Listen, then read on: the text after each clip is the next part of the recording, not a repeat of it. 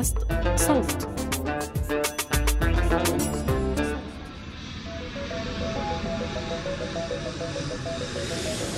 صوت انتهاء رحلة على الطيارة بسلامة. مشاعر الحنين أو الحماس عشان رجعنا على بلدنا نشوف الأهل بعد غياب طويل. أو بداية إجازة مع أصحابنا بعد فترة شغل متعبة.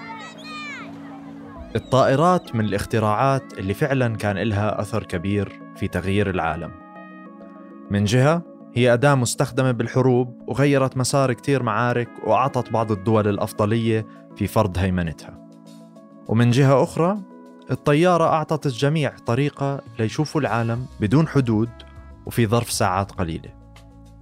لكن بالمقابل الطيارات تحتاج كميات طاقة كبيرة لتتحرك وعدد الرحلات الجوية متوقع يرتفع كتير. عشان نفهم الجانب البيئي للقطاع وكيف ممكن يتغير مستقبل الطيران مع التخوفات المتعلقة بالتغير المناخي؟ حكينا مع عمر كاظم مهندس طيران عراقي أردني. ربي وهو ببني نماذج طائرات بلاستيكية وحاليا بيشتغل في لندن في تطوير الأعمال في اتحاد صناعات الطيران في بريطانيا. بعد سبع سنوات من شغلي بمجال البيئة والتنمية الحضرية لاحظت أنه لساتنا محتاجين نحكي عن البيئة ونناقشها خاصة أنه المحتوى العربي بهذا المجال محدود. من هون انخلق هالبودكاست. أنا علي عطاري وهذا الموسم الثاني من بودكاست مد جزر اللي رح يتوسع في الحوار حول العلاقة بين الإنسان والبيئة وأهميتها في توازن كوكبنا. هذا العمل من إنتاج صوت بالتعاون مع مؤسسة فريدريش إيبرت.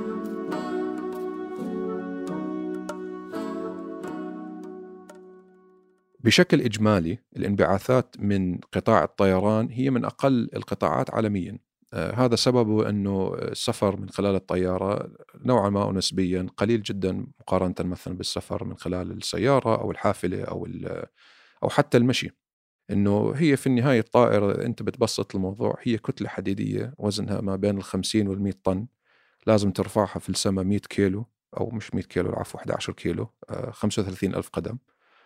والطيارات النفاثه اللي إحنا اليوم بنسافر فيها للمستمع إذا ما بيعرف أنت عم بتصير ب 90% من سرعة الصوت. فالطاقة اللي تحتاجها بس لتعمل هذه الحركات هي طاقة عالية جدا وبالتالي الانبعاثات راح تكون راح تكون عالية منها.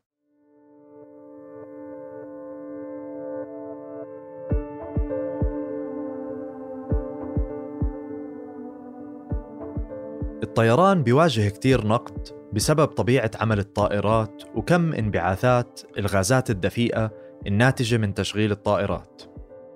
إذا أخذنا طيارة البوينغ 747 على سبيل المثال واحدة من الطائرات المستخدمة بشكل كبير في الطيران التجاري منشوف أنها بتحرق حوالي 150 ألف لتر من وقود الطائرات المعروف بالكيروسين لتنجز رحلة طولها 10 ساعات وهي بحمولتها الكاملة يعني حوالي 416 راكب. لكن إذا أخذنا خطوة لورا وتطلعنا على الصورة الكبيرة منشوف أنه قطاع الطيران بأكمله بشكل 3% من إجمالي انبعاثات الغازات الدفيئة في العالم والسبب الرئيسي لهذا الإشي أنه عدد الرحلات ما زال قليل مقارنة مع وسائل أخرى مثل ما حكى عمر هذه نسبة صغيرة جدا لكن على عكس كتير قطاعات تانية القلق من القطاع يأتي من الانبعاثات المتوقعة في المستقبل. بين سنة 2000 وال 2019 شهد قطاع الطيران ازدياد بمعدل 5% سنويا بعدد الرحلات التجارية. وهذا المعدل متوقع أنه يستمر لحد سنة 2034 أغلب هذه الزيادة جاية من دول نامية. عم تدخل مرحلة التصنيع مثل الصين والهند بسبب نمو الطبقة الوسطى. ربما الوضع الاقتصادي العالمي تباطأ شوي آخر سنة بسبب جائحة كورونا. لكن بشكل عام التقارير تتوقع تعافي اقتصادي والرجوع لمسار النمو. وهذا النوع من الازدهار بيجي معاه زيادة في الرحلات الجوية.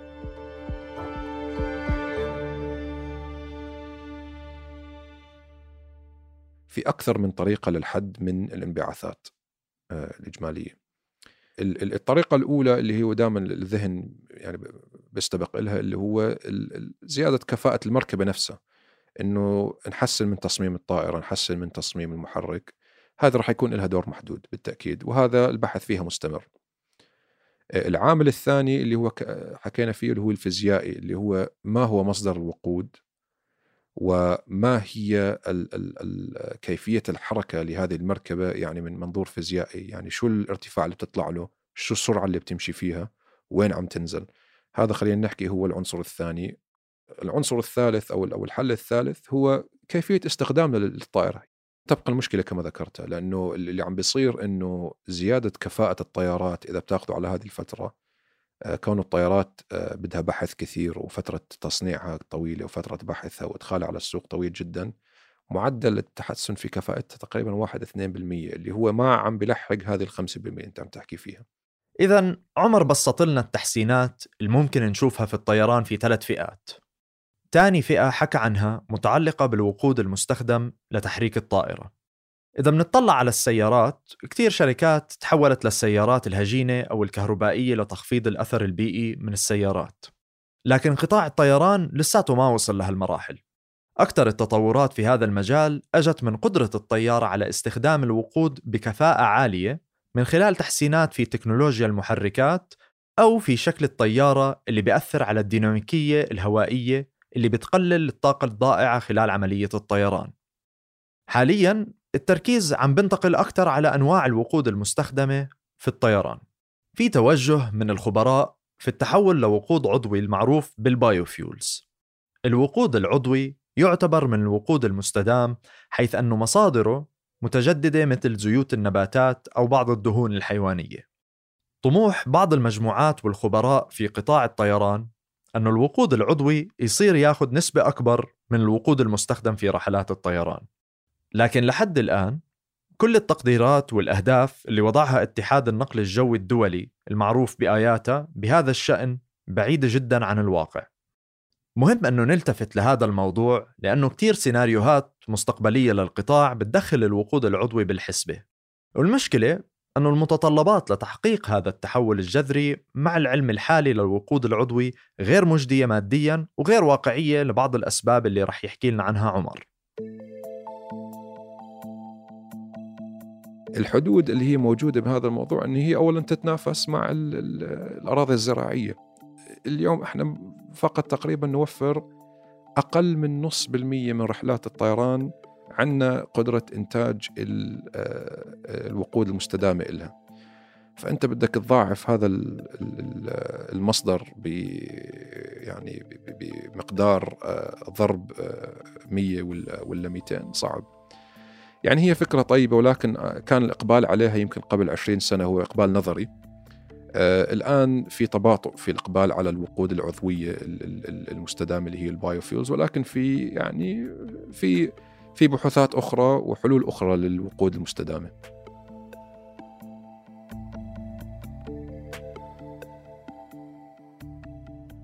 ممكن مع الوقت التكنولوجيا لتطوير الوقود العضوي تتحسن ونشوف التحول اللي الخبراء حابين يشوفوه. لكن في الوقت الحالي أكيد لازم نفكر بطرق مختلفة بالتوازي. المنيح بالموضوع أنه بعيد عن التكنولوجيا والتطورات المتعلقة بالطيارة نفسها في كتير أشياء ممكن نركز عليها لنحسن من كفاءة القطاع بشكل عام. منظمة ديفيد سوزوكي الكندية بتقدر أنه 50% من انبعاثات قطاع الطيران تيجي من الرحل اللي تحت الألف كيلومتر. ممكن نبسط مراحل أي رحلة جوية لثلاث مراحل. الصعود اللي بيوصل الطائرة للارتفاع المطلوب التحليق والهبوط التدريجي عند انتهاء الرحلة. تصميم الطائرات بيعطيهم الإمكانية أنهم يوفروا أكبر كمية من الطاقة خلال السفر بس يكونوا في مرحلة التحليق. في الرحلات القصيرة معظم الرحلة بتكون في حالة صعود أو هبوط. ولهذا السبب عمر شرح أن هاي الرحلات هي أقل الرحلات كفاءة. طريقة بسيطة لتخفيض الانبعاثات من الطيران هي أن نوفر ونشجع على استخدام بدائل للرحلات اللي طولها أقل من ألف كيلو. حاليا أسرع نوع نقل متوفر للناس هو الطيارة. لكن إذا بدنا ناخذ بعين الاعتبار الوقت اللازم للوصول للمطار والانتظار والتفتيش الرحلة القصيرة بتصير كتير أطول وميزة السرعة وحتى ميزة الراحة بتختفي.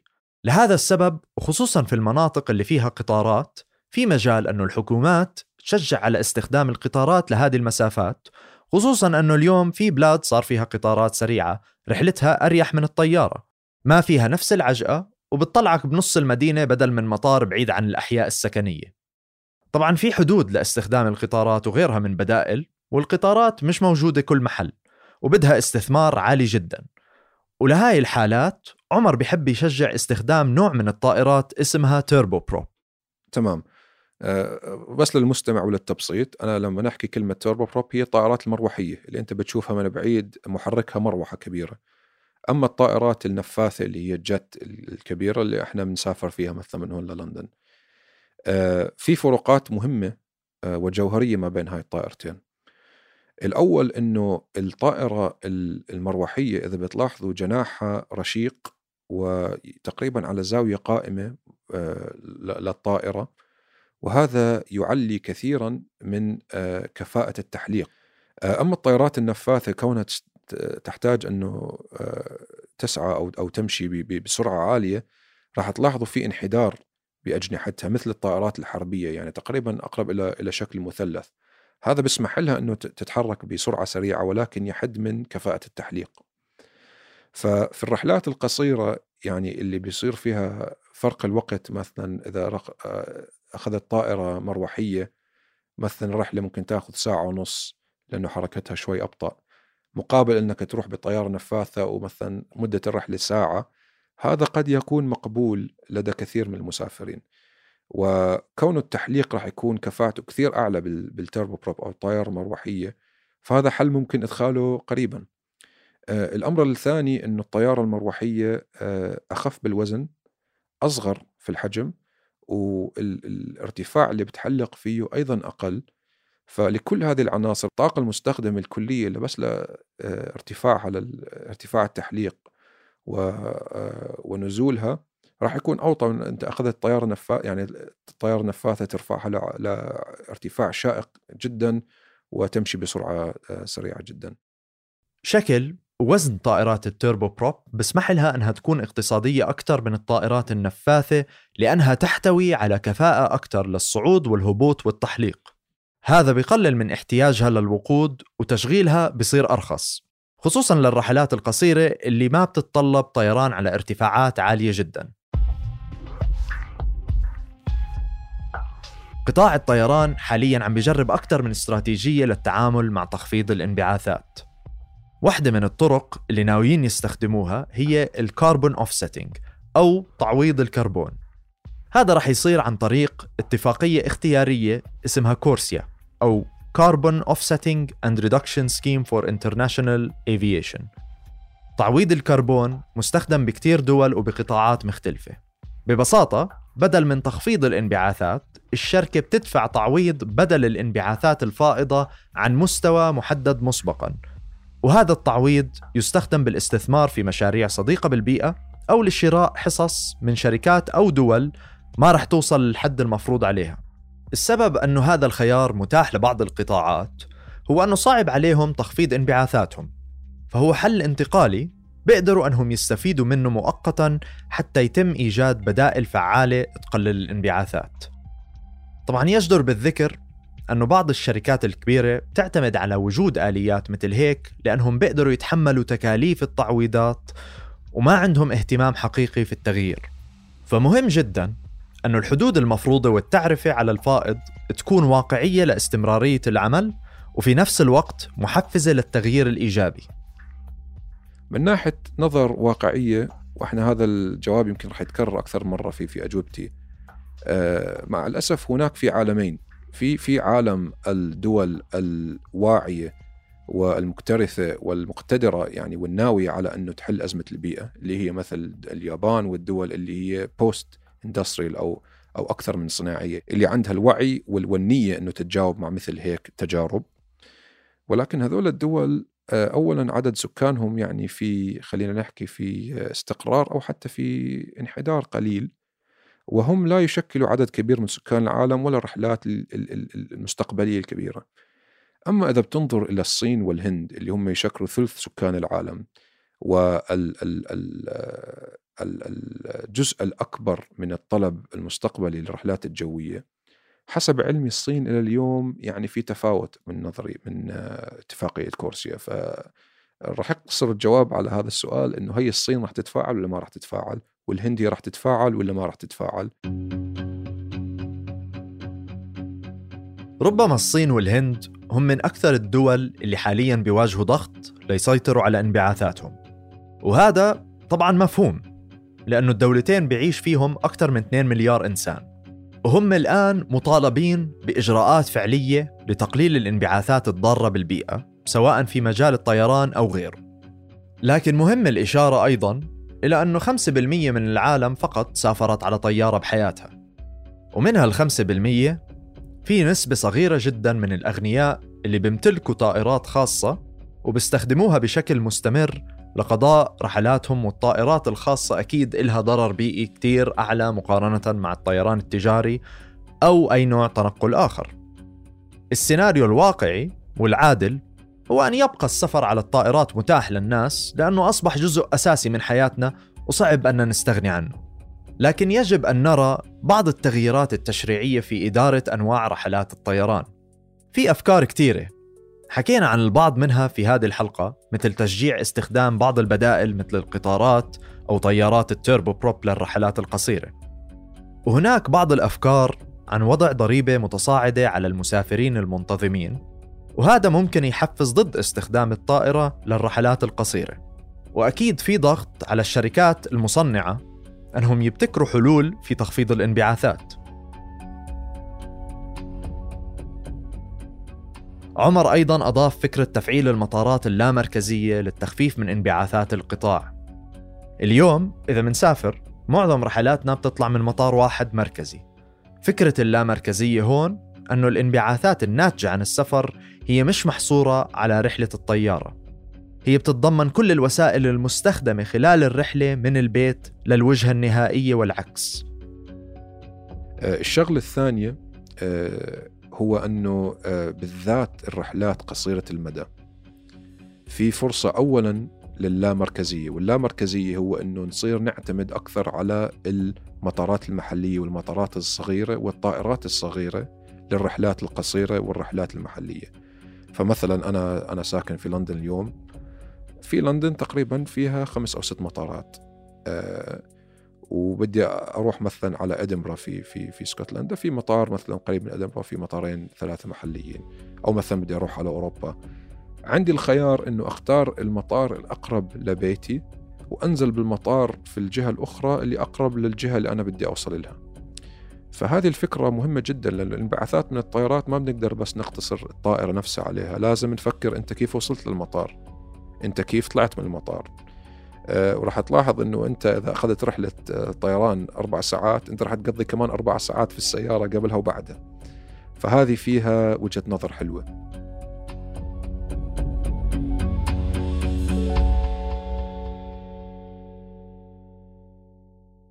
اللي استنتجناه أنه ما في حل واضح لاختصار الانبعاثات من قطاع الطيران بالكامل في أي وقت قريب. لكن من خلال بعض التغييرات البسيطة واللي ما إلها أثر كبير على المسافرين ممكن أن نحسن من كفاءة القطاع ونستوعب الزيادة في المسافرين المتوقعة في المستقبل من خلال استخدام أنواع طائرات مناسبة أكثر لطول الرحلة أو حتى الاستغناء عن الطائرة واستخدام القطارات والبواخر في الرحلات اللي بتسمح لهذا الإشي.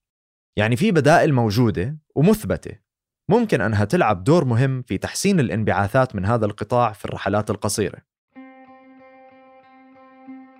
التحدي الرئيسي هو الانتقال لأنواع وقود أنظف سواء كانت من الوقود العضوي أو غيرهم من ابتكارات في هذا المجال مثل الهيدروجين النظيف اللي راح نغطيه في حلقة تانية في هذا الموسم أو ابتكار آخر لسه ما سمعنا عنه.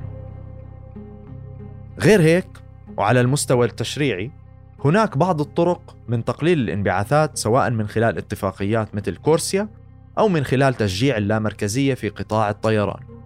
المنيح أنه حاليا العالم واعي عن المشاكل الممكن تنتج عن الطيران خصوصا بس يزداد عدد المسافرين في المستقبل. والمشكلة بعدها ما خرجت عن السيطرة. لابد من النظر بطرق بتساهم في تقليل الانبعاثات بدون الحاجة لتكنولوجيا لسه ما بنقدر نستخدمها. بالتوازي لازم يصير في دعم وضغط للبحث عن حلول واقعية لمشكلة الوقود لأنه الطيران وغيره من أنواع تنقل صارت جزء أساسي من حياتنا.